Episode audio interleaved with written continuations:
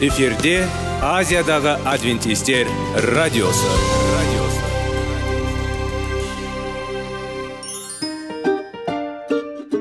Сәлем достар. Денсаулық өмір бұлағы және біздің бірінші байлығымыз демекші денсаулық сағаты рубрикасына қош келдіңіздер.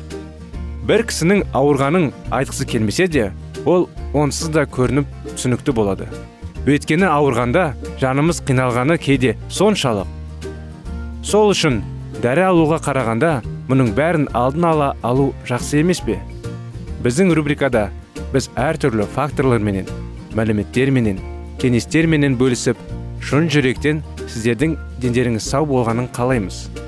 Сол үшін біздің рубрикаға қош келдіңіздер. Дайындалып тұрыңыздар. Өйткені келесі минуттарда қызықты фактілерге ие боласыздар. Енді достар ең бірінші байлығымызды қолымызға алып алға кеттік. Бізбенен болыңыздар.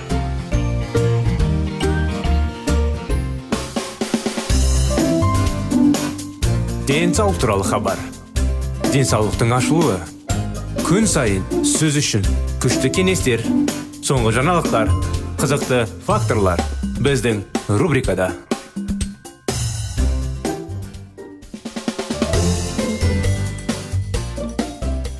Сәлеметсіздер ме достар құрметті тыңдаушыларымыз? Бүгін денсаулық бағдарламасында сағатында сіздермен жеміс жидектің факторлер жайлы бөліскіміз келеді. Бүгінгі тақырыбымыз қызылша жайлы. Бүгін шығыс суы деп аталатын көкөніс сол оның аты оның патшалық шығу тегі туралы айтады. Ал қасиетті біздің денемізде күшпен және денсаулықпен толтыра алады. Сонда біз сізге құпия ашамыз бұл қызылша туралы бүгін сізде бұл туралы тағы да көп жаңа және қызықты таныс болады. Бізде сіздермен бірге көкөністі білуге мүмкіндік бар. Оның тарихы жайлы қандай қызықтар бар? Қызылшаның отаны жерорта теңіз болып саналады екен. Бір қызығы адам алдымен қызылшаны жапырақтарын дәмін бағалаған екен одан кейін қызылшаның тамыр жетістіктерін сындырды. Бұл көкөністі римдіктер өте жақсы көрді. Олар қызылшаның жапырақтарын қуана жеді.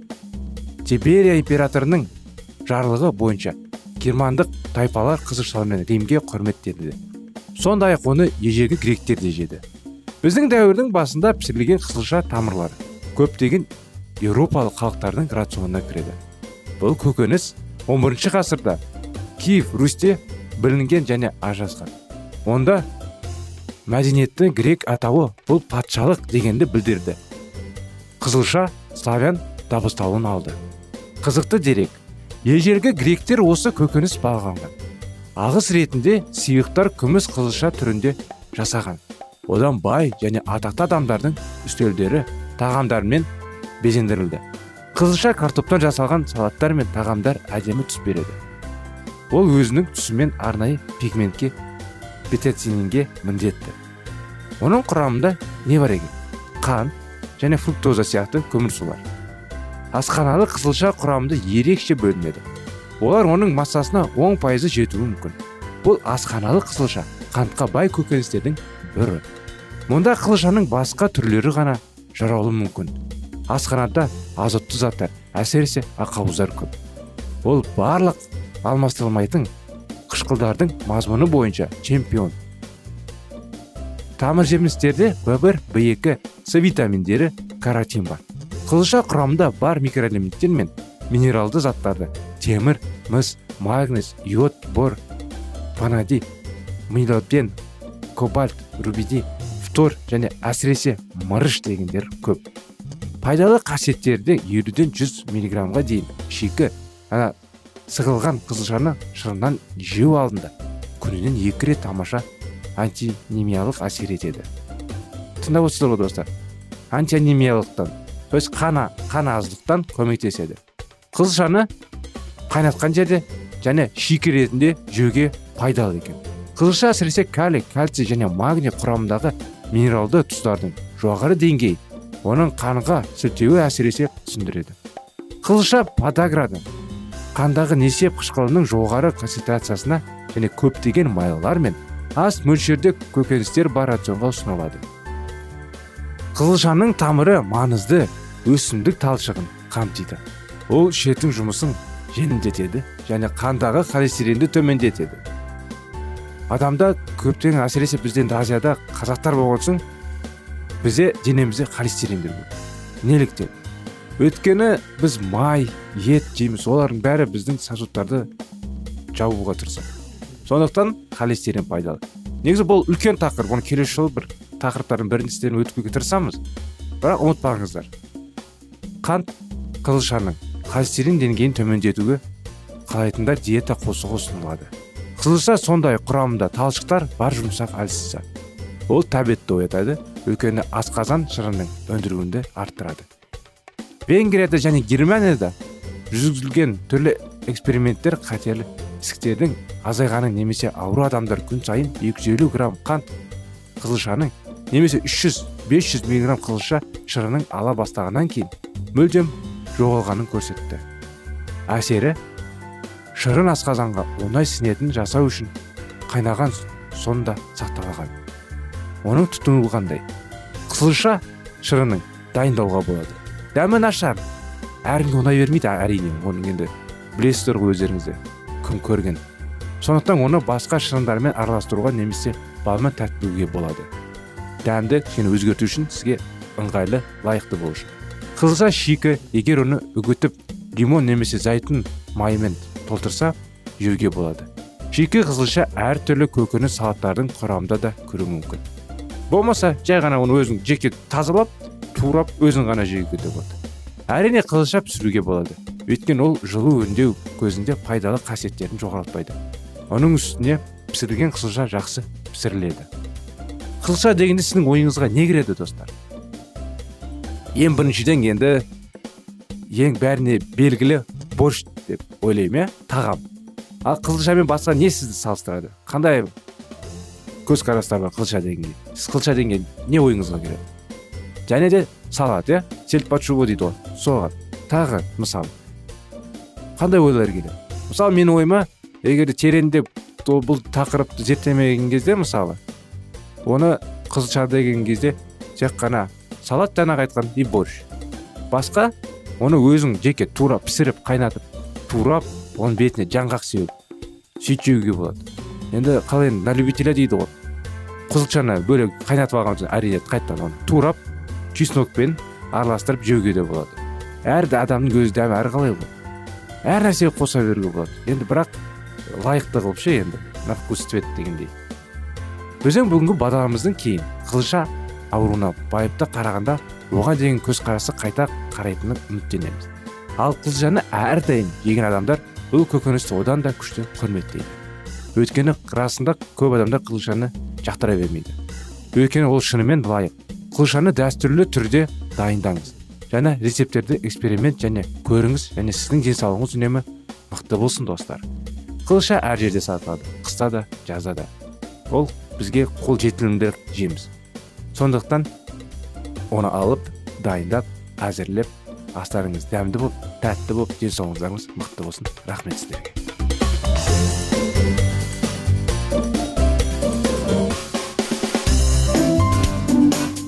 Денсаулық туралы хабар. Денсаулықтың ашылуы күн сайын сөз үшін күшті кеңестер соңғы жаңалықтар қызықты факторлар. Біздің рубрикада.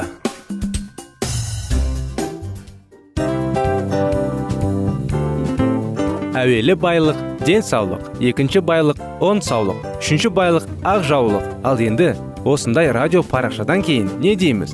Барлықтарыңызға денсаулықтарыңыз зор болсын деп тілейміз. Денсаулықтың өзгеруі кішкентай нәрселерден басталады. Осымен біз берген кеңестер мен мәліметтер шын жүректен сіздер үшін қандай да бір болсын жәрдем берді деп үміттенеміз. Тыңдаушыларымызбен келесі радио парақшасына дейін қоштассамыз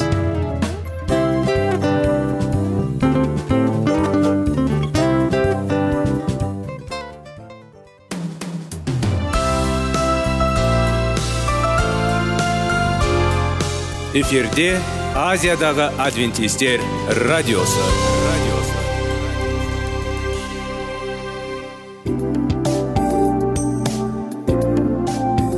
Сәлем достар. Барлықтарыңызға біздің сүйікті шын жүректен сөйлесейік рубрикасына қош келдіңіздер деп айтпақшымыз. Негізі шын жүректен сөйлесейік рубрикамызда не жөнінде айтамыз? Шын жүректен сөйлесек бағдарламасы әртүрлі қызықты тақырыптарға арналған. Махаббат деген биік тас оған ешкім жете алмас жетеді оған екі жас дегендей. Шындығында шын жүректен сөйлесек деген сөздің мағынасы екі достың екі адамның екі жастың арасындағы шын жүрекпен сөйлесуі бір біріне сенуі ашықтық пен шындықты білдіреді. Сол үшін біздің бағдарламаларды үзбей бізбен бірге болып тұрыңыздар. Әртүрлі қызықты тақырыптарды сіздер үшін арнап дайындағанбыз. Дайындалыңыз жаңа қызықты мәліметтерге ие болуға. Ондай болса кеттік.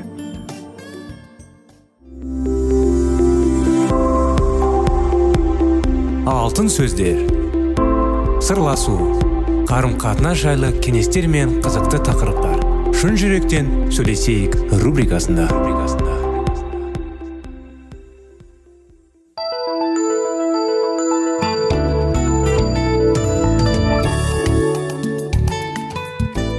Сәлеметсіздер ме құрметті біздің тыңдаушыларымыз құрметті біздің достар. Мінекей шын жүректен сөйлесейік бағдарламасы сіздер үшін ұсынып тұр.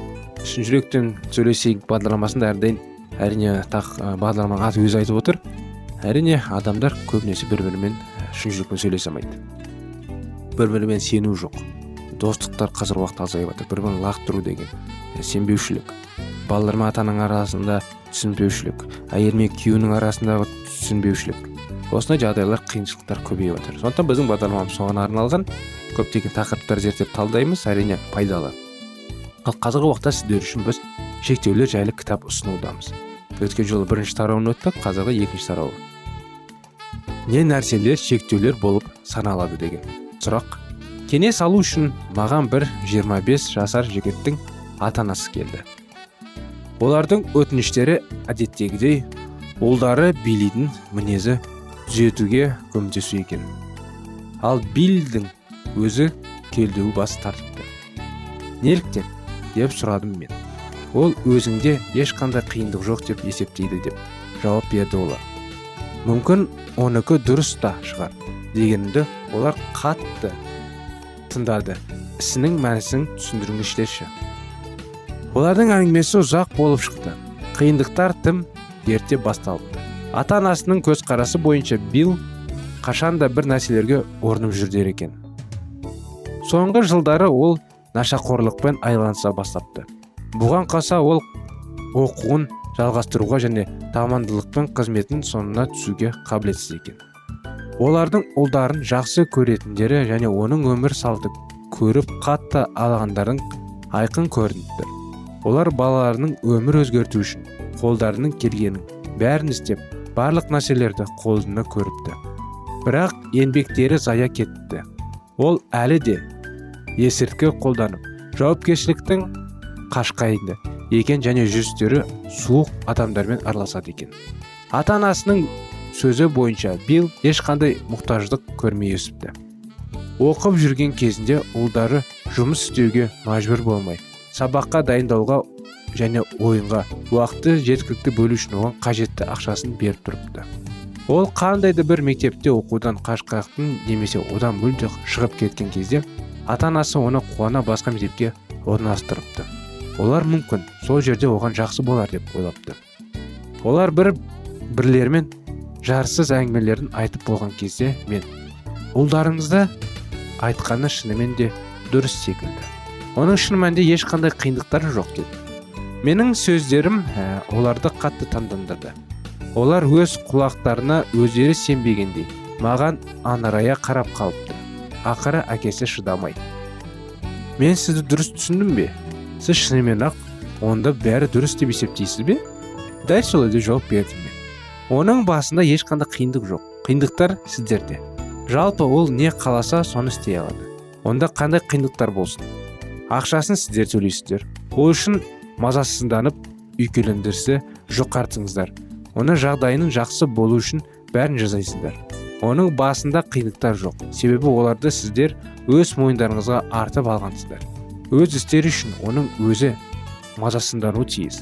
Ал қазіргі жағдайда қиындықтар оңқы емес сіздердікі. Қаласаңыздар мен оның басында бір екі қиындығың болуына көмектесудің жолын айтып берейін. Олар маған дәл бір ес ауысқан адамдарға қарағандай қарады. Бірақ сірә олар бір нәрсені түсіне бастаған керек. Мұнымен не айтқыңыз келеді? деп сұрады анасы. Менің ойымша дедім мен мәселенің шешімі нақты шектеулер орнатуда секілді. Ұлдарыңыздың қылықтарынан сіздер емес оның ізі зардап шегуі тиіс. Сіз қандай шектеулер туралы айтып тұрсыз деді әкесі. Жағдайға басқа қырынан қарап көріңіздерші. Билл өз бағын ешқашан сұрамайтын көріңізші деп елестейік бірақ сіз сауратын қондырғыңызды қосқан кезде су оның бағына құлайды. Біздің көптеріміз шөптеріңіз құрап қалған кезде бил өзінің жап жасыл бағына қарап менің бағының жағдай тамаша деп ойлайды. Қазір сіздердің ұлдарыңыздың өмірінде де дәл осындай жағдай болып жатыр. Ол оқымайды өмірін жоспарламайды жұмыс істемейді бірақ соған қарамастан жақсы жағдайда өмір сүреді. Ақшадан қысылмайды өз міндеттерін орындап жүрген отбасы мүшелерімен бірдей құқықтарды пайдаланады. Егер сіздер өз меншіктеріңізді оныкінен бөлгірек ұстап егер өз сұратын қондыр қалай енді қондырғыларыңызды су өз бақтарыңызға құйылғандай етіп орнатқандарыңызда онда ол өзі меншігінің қамын өзі ойлауға мәжбүр болатын еді. Ал егер ол мұны істемейтін болса онда лас жерде өмір сүруге мәжбүр болады. Ал мұның оған ұнамауы әбден мүмкін. Қазіргі жағдайда мынандай. Ол жауапкершіліктен ада және өзін бақытты сезінеді. Ал сіздер жауаптысыздар және бақытсыздар. Бұл мәселені шешімі шекаралар орнату. Сіздерге қайткенде оны оның қиындықтарын азат болу қажет. Қиындықтары оның өз аймағына көшсін. Оған көмектесуде тоқтату қатегіздік болады деп есептегенбіз бе? Деп сұрады әкесі. Ал ұдайы көмектесіп тұрғаның жақсан тиісі шықты ма? Деді мен. Көз қарасының оның мені ұға бастағанын түсіндім. Мінекей достар жаңа тарау бастадық жаңа тақырыптар жаңа енді оқиғалар. Жалғасы келесі жолы болады. Өкінішке орай уақытымыз аяғына келіп қалды. Бізбен болғаныңызға рахмет. Келесі жолы жалғасын сіздерге жалғастырып береміз. Рахмет сіздерге.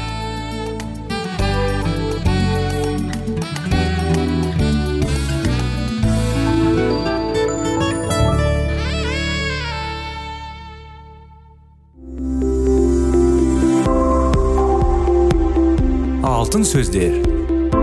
Сырласу қарым қатынас жайлы кеңестер мен қызықты тақырыптар.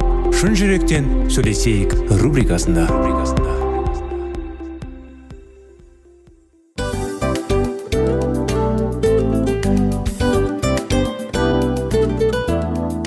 Құрметті достар барлық ең соңғы кеңестер аяқталған соң біздің программамыз соңына келіп қалды.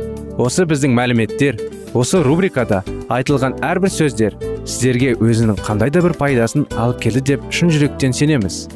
Және бұдан да көптеген рубрикаларымыз бар. Басқа рубрикаларымызда біздің зерттеулерімізде сіздер үшін тағы да қызықты мәліметтер дайын. Біздің шын жүректен сөйлесейік парақшамызда көптеген әдістер ең соңғы кеңестер адамның нравственность жақтан моральдық жақтан тазалап байыта тұрған соңғы кеңестердің барлығын жанарады. сондықтан алдыңғы күндерде бізбен бірге болыңыздар. Өйткені барлық қызықтар алдыда. Бізбенен бірге болғандарыңызға үлкен рахмет. Келесі кездескенімізше сау сәлемет болыңыздар.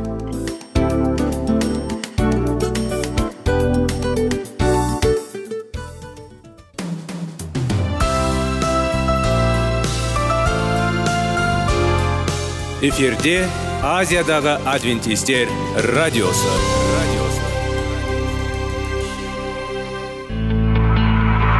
Жан дүниеңді байытқан жүрегіңді жаңғыртқан өмірдің мағынасын ойландырған рухани жаңғыру рубрикасы.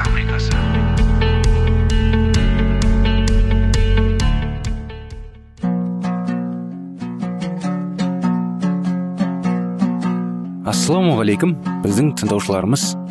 Келі кітаптың шындығын ашып берген қысқа бағдарламасына қош келдіңіздер. Барлығынан жоғары жаратушы біздің қарыңғылықта жалғыз қалдырып қойған емес. Өйткені ол келешекте не болу керек екенін киелі кітаптың парақтарында ашып береді. Немесе келіңіздер бізге қосылыңыздар. Жаратушы бізге нен ашып бергенін зерттейміз.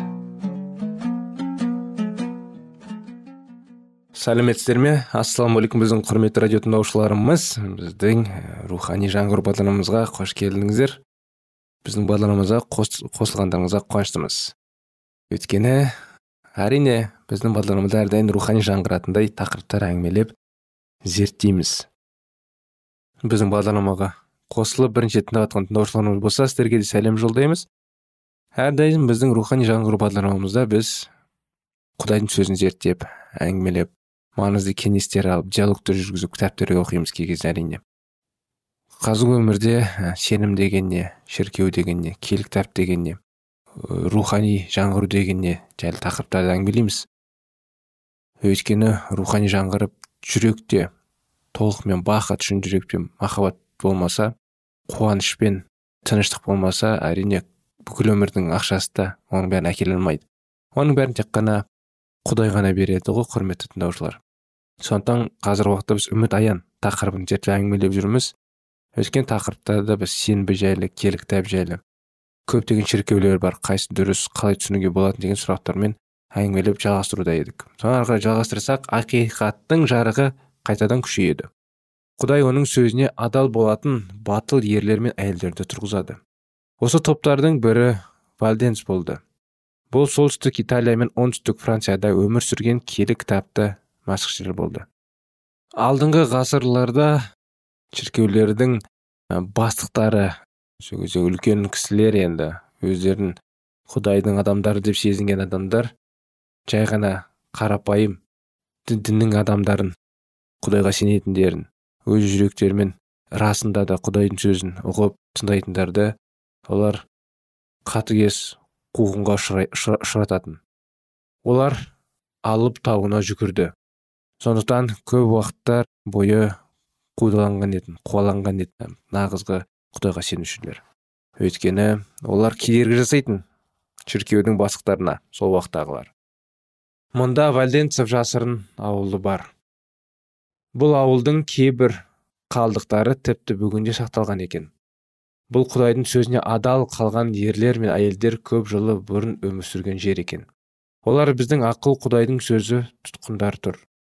Бұл құпия әнжіл мектебі. Онда жас валенстер құдайдың сөзін оқып оны қайта жазып содан кейін студенттер немесе саудагерлер ретінде еуропа елдері мен қалаларына жіберілді.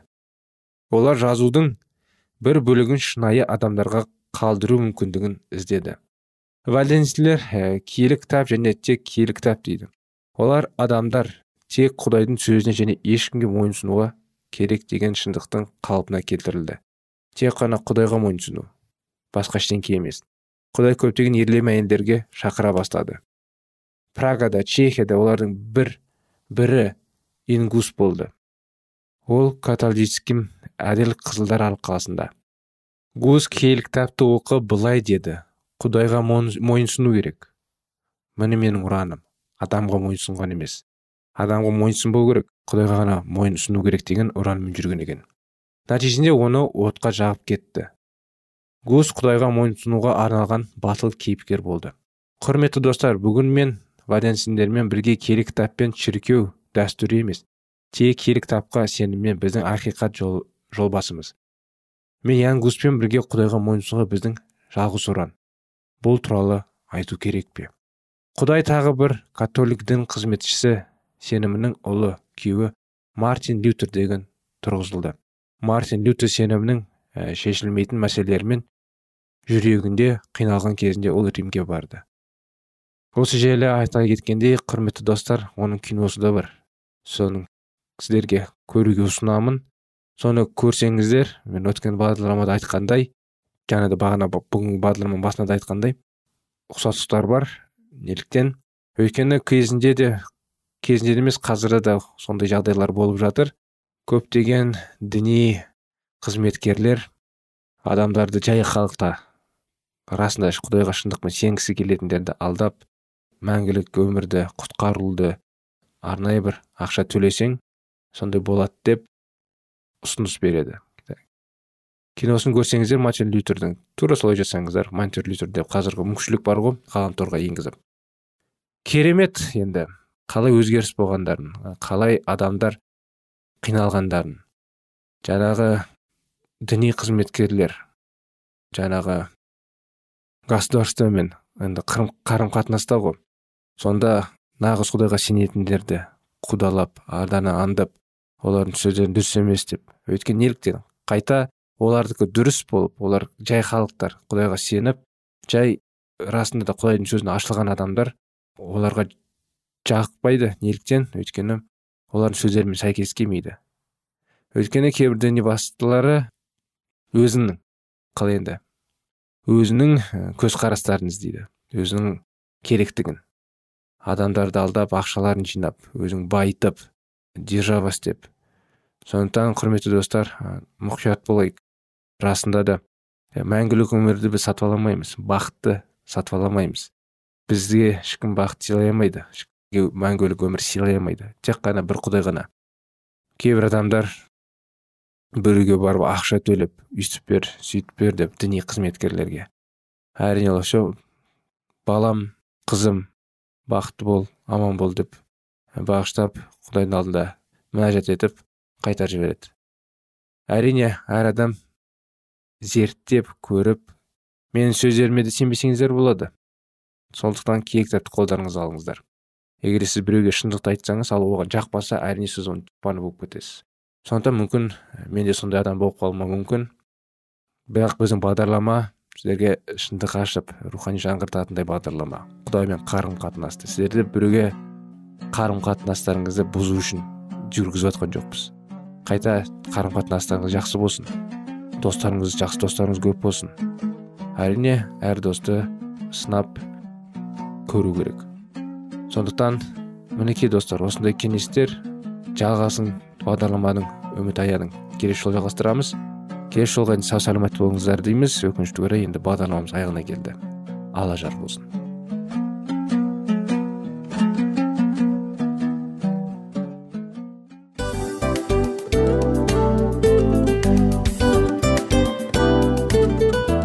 Достар біздің радио парақшамыз өзінің соңына келіп те қалды. Демек бұл программамыздың қорытындысын айта кету керек. Негізі істің басталып жатқаның қуанту керек пе? Әлде оның қорытындысы қуанту керек пе? Сіздер қалай ойлайсыздар? Меніңше қорытындысы деп ойлаймын. Себебі жасаған ісінің жемісін көріп қорытынды арқылы бағалап жүрегін қуантады. Баяғыда айтқандай бидайды сепкенде емес бидайдың жемісін жинаған кейін ыстық нанды жегенде кәдімгідей рахаттанасың ғой. Осымен біздің бағдарламамыздың аяғында тыңдаушыларымыз қандай пайда алды екен деген ойдамыз. Егерде өткен сфераларда пайдалы кеңес алған болсаңыз біз өзіміздің мақсатымызға жеткеніміз. Бүгінгі 24 сағаттың алтындай жарты сағатын бізге бөліп ардағаныңыз үшін рахмет. Келесі кездескенімізше қош сау болыңыздар.